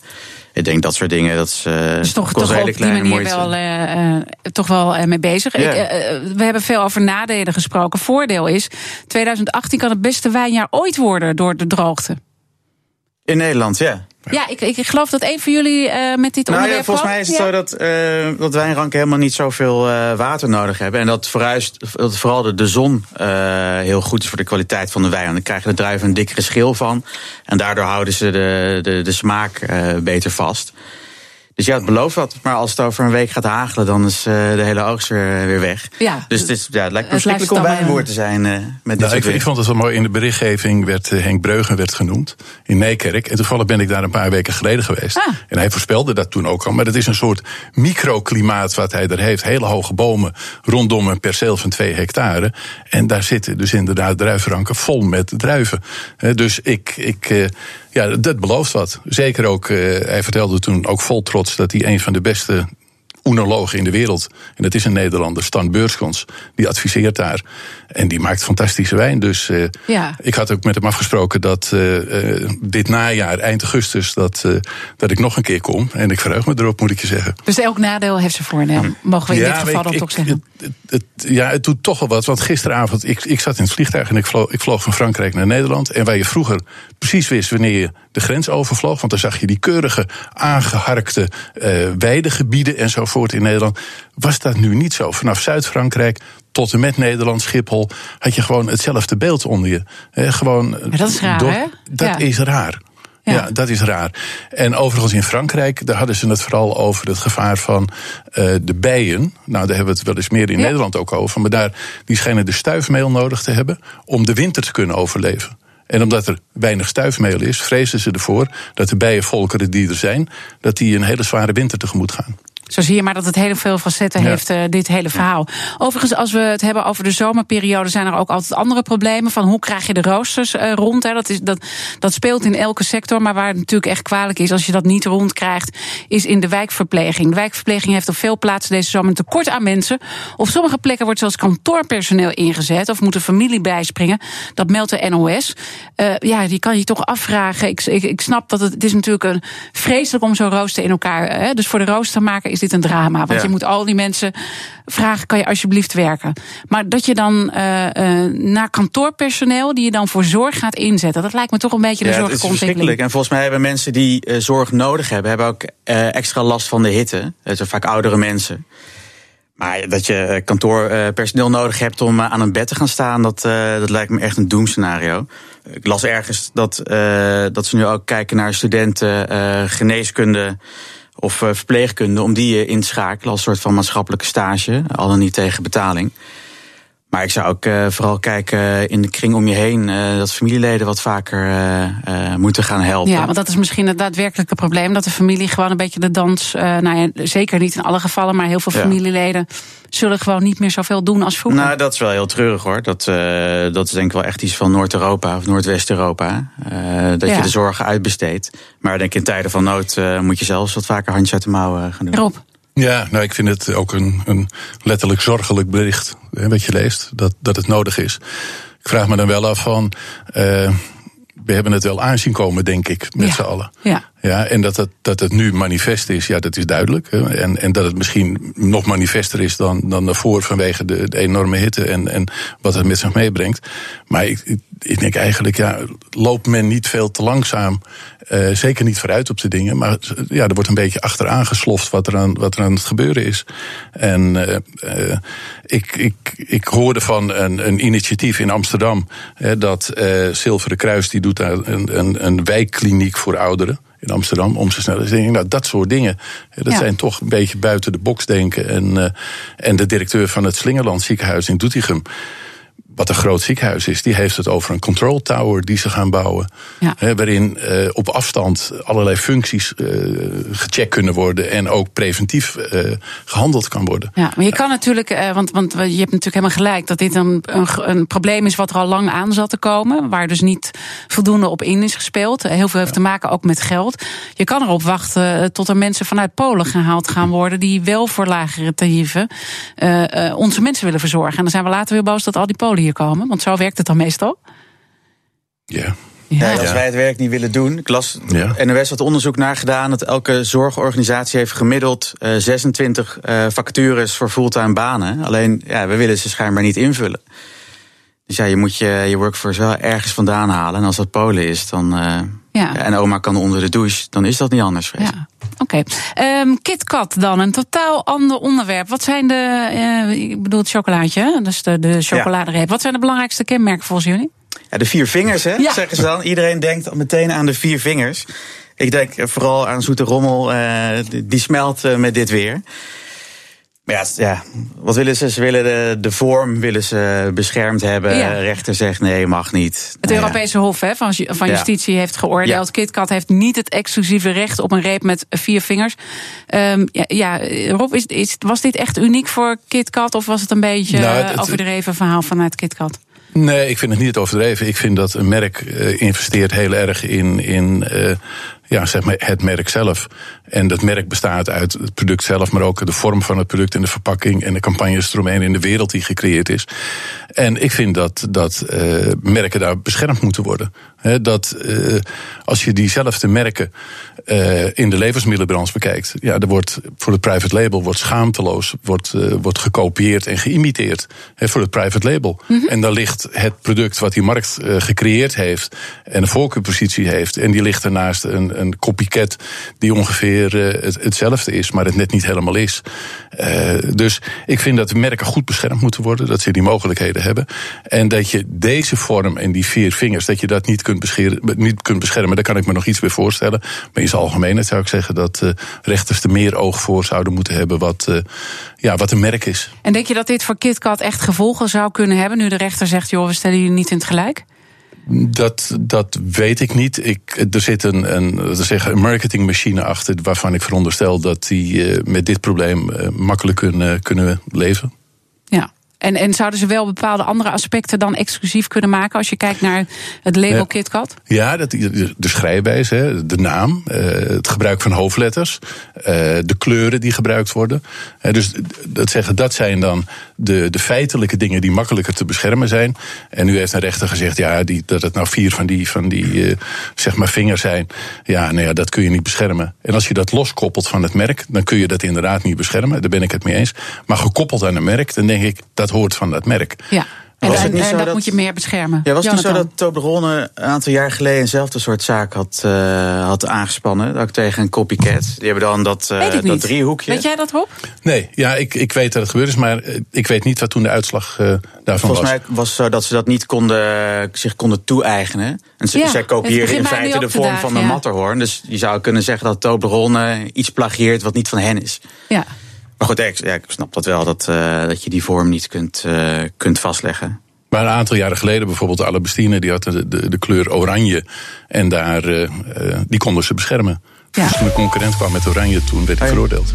Sinds vandaag is de Nederlandse Google Assistant beschikbaar. En daar gaan we zo meteen over verder praten in de kantine. BNR Nieuwsradio.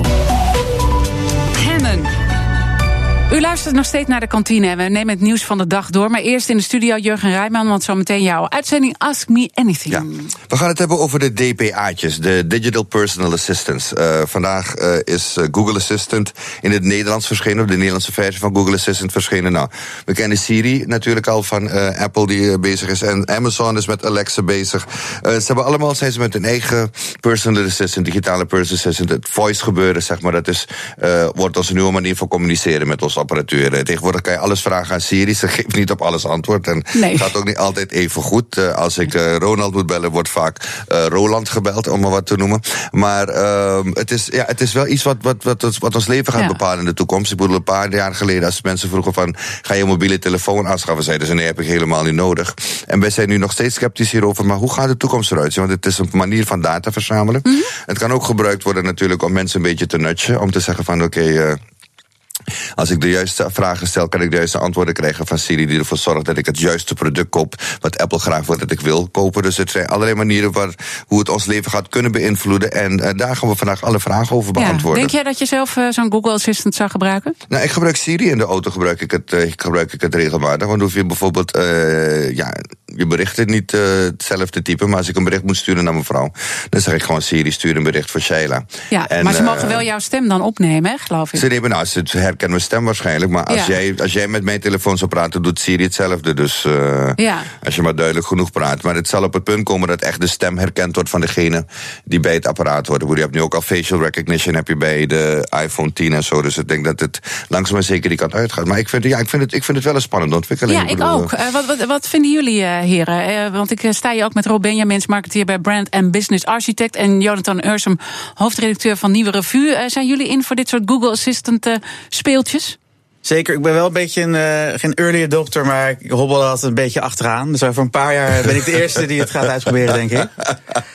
Maar het lijkt me hartstikke handig. Ja, wat, wat Jumbo nou gaat doen met een app, eh, dat je je boodschaplijstje kan samenstellen. Ja, dat is natuurlijk hartstikke handig. En dan zeker als zij daar wat suggestie bij kunnen doen van... Nou, als je stampot gaat maken, vergeet niet eh kruimelige aardappelen in je mandje te gooien. Het kan complementair zijn, hartstikke handig. Ja, het, is, het is artificial intelligence natuurlijk. Dus ze kunnen heel veel doen. Nou, ik, ik denk dat het verslavend gaat werken. Ja, Want als je ziet dat wat Alexa doet en, en hoeveel mensen er al eh, heel regelmatig gebruik van maken, dan heb je het over meer dan 100 miljoen mensen Ja. die Alexa al hebben. En je, je, je kan alles vragen en je kan je boodschappenlijstje samenstellen. En nu zie je wat er gaat gebeuren. Amazon zit erachter en als ik erop zou zetten scheermesjes of eh, batterijen, dan krijg ik het private label.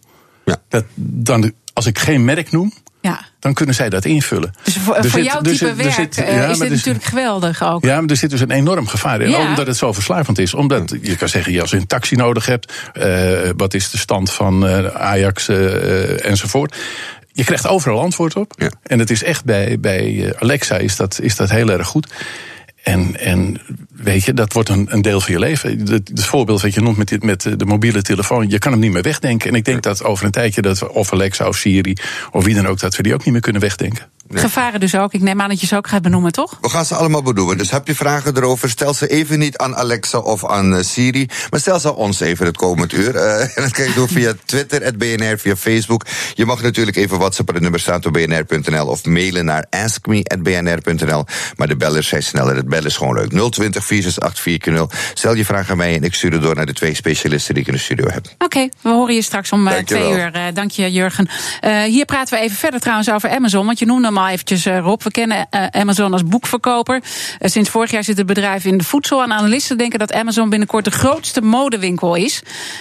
Goed dat ze zich op al die markten gaan richten. Ja. Nou ja, goed voor Amazon. Ja. En eigenlijk slecht voor, voor de gevestigde orde. Maar ja, ze hebben gezegd, we gaan in food. Nou, dat, dat, dat doen ze en dat doen ze heel serieus. Dat 18% van de omzet eh, in Amerika is, is, ja, komt bij Amazon vandaan. En ze hebben bij, eh, eh, bij de mode, ik noemde net de private label. Ze hebben 60 private labels. Dus je denkt dat je een merk koopt, maar dat is dan een merk wat bedacht is door, door Amazon. Dus je hebt heel veel keuze. En, en ze hebben een modemerk voor jong, voor oud, voor enzovoort. En je, je koopt van Amazon. Ja, ja, vind jij dat dan een goede ontwikkeling als je dat zo hoort, Jonathan? Nou, je hebt een stuk mega slagkracht. Hè? Volgens mij is 50% van alle online retailbestedingen in Amerika... eh, die, die gaat naar Amazon. Dus ja, ze kunnen ook wel een keer wat proberen en, eh, en kijken of het werkt. Maar ja, ik kan me niet voorstellen dat het niet ontzettend succesvol wordt. Maar ik denk voor de, voor de kleinere merken, je hebt er weer zo'n conglomeraat die dan een soort van brei van, eh, van mode, eh, waarschijnlijk een hele hoge omloopsnelheid, net zoals Zara en zo, de winkels in, eh, in slingert. Ja, dan kan je afvragen of dat goed is natuurlijk. Ja, en hoe wordt het geproduceerd? Weet je wel, wordt het in Amerika geproduceerd of in Bangladesh? Of wie, wie Mhm. maken dat dan? Als het, eh, ik neem aan dat het eh, een beetje onderkant van de markt gaat zitten. Durf ik eigenlijk niet, eh zeg ik nergens op gebaseerd. Maar ik neem aan Wat dat denk jij? Nou, ik weet niet of het de onderkant is. Ik denk dat ze, nou, ze hebben de neiging om naar het middenstuk, het grootste bereik te hebben. Maar met die, met die meer merkenstrategie kun je dus echt een merk positioneren aan de onderkant en andere merken aan de bovenkant. Dus dat, eh, ja, die marketingmachine die, die, gaat er wel, eh, die gaat er wel flink zijn best doen. Maar nemen ze niet ook een gevaar dat ze zoveel verschillende dingen gaan eh, verkopen? Want dat, daar, daar zijn natuurlijk andere bedrijven ook wel eens een keer de mist in gaan dat je te veel wil doen. Ja, maar je, je gaat naar het Amazon-platform en dan kun je kiezen. En, Ja. dan, en dan kun je dus kiezen die 60 labels die zij hebben. En zij kunnen dat sturen, ze kunnen die voorkeur die kunnen ze sturen. Dus eh, eh, nee, je hebt het idee dat je, dat je de vrije keuze hebt. Maar in feite word je helemaal gekanaliseerd, eh, ook door je, je koopverleden, eh, in, ja, zeg maar, in de richting van Amazon. En zouden ze ook andere merken gaan kopen, denk je? Eh, dat hebben ze gedaan. Ze hebben in de levensmiddelenbranche hebben ze een, eh, een supermarktketen gekocht. En eh, ze zijn bezig om allerlei andere ketens. Er wordt gesproken met eh, supermarkten in eh, Frankrijk. Er wordt gesproken met Morrison's, heel serieus. En volgens mij is dat misschien wel rond in Engeland. Dus ze gaan die, die combinatie gaan ze aan. Laatste onderwerp wat ik met jullie wil bespreken is het eh, VMBO in Maastricht. Het blijft daar rommelen. Uit een rondgang van trouw blijkt dat tientallen leerlingen nog steeds niet weten welke examens ze nou nog moeten eh, maken. En er zijn heel veel berichten over en weer. En dan moet dit hoofdstuk gedaan worden ter voorbereiding. En dan blijkt het toch niet hoofdstuk 6 te zijn, maar hoofdstuk eh, 4 en 5. Ja, je zal er maar aan staan eh, als leerling en als ouder. Hoe kan dit nou dat ze nog steeds geen duidelijkheid hebben?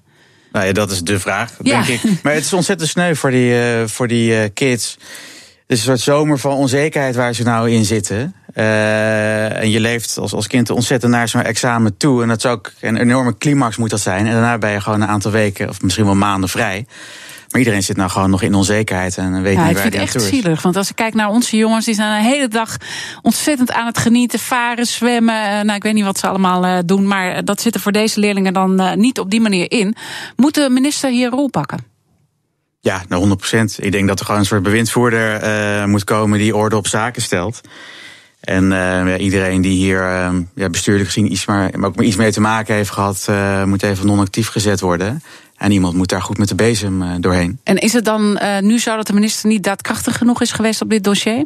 Ja, lijkt me wel. Maar het is ook een beetje onwil van, weet je, die André Postema, die Ja, voorzitter die zit er van nog die, steeds. die hè? koepel. Terwijl echt iedereen zegt, ga nou eens weg. ja, het is een ik beetje zo'n zetelplakker van de PvdA. Die moet natuurlijk, Maar... Nou ja, de PvdA ja. heeft zelf natuurlijk ook eh, is uitgelekt dat ze van hem af willen. Dus Ja. ook daar wordt hij niet meer beschermd. Nee, nee, hij is niet zo van de subtiele hints eh, en daar dan actie op ondernemen. Nee, maar het moet natuurlijk gewoon weg. En iemand moet er even eh, met de bezem doorheen voor het nieuwe schooljaar. Rob? Ik vind het wel, wel mooi dat de, de payoff die zij gebruiken, dat is we maken werk van je toekomst.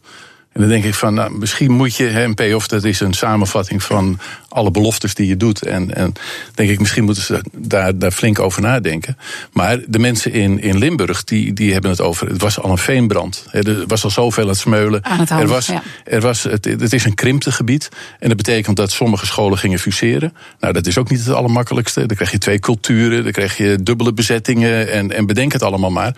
En dan zie je dat dat soort dingen kunnen gebeuren.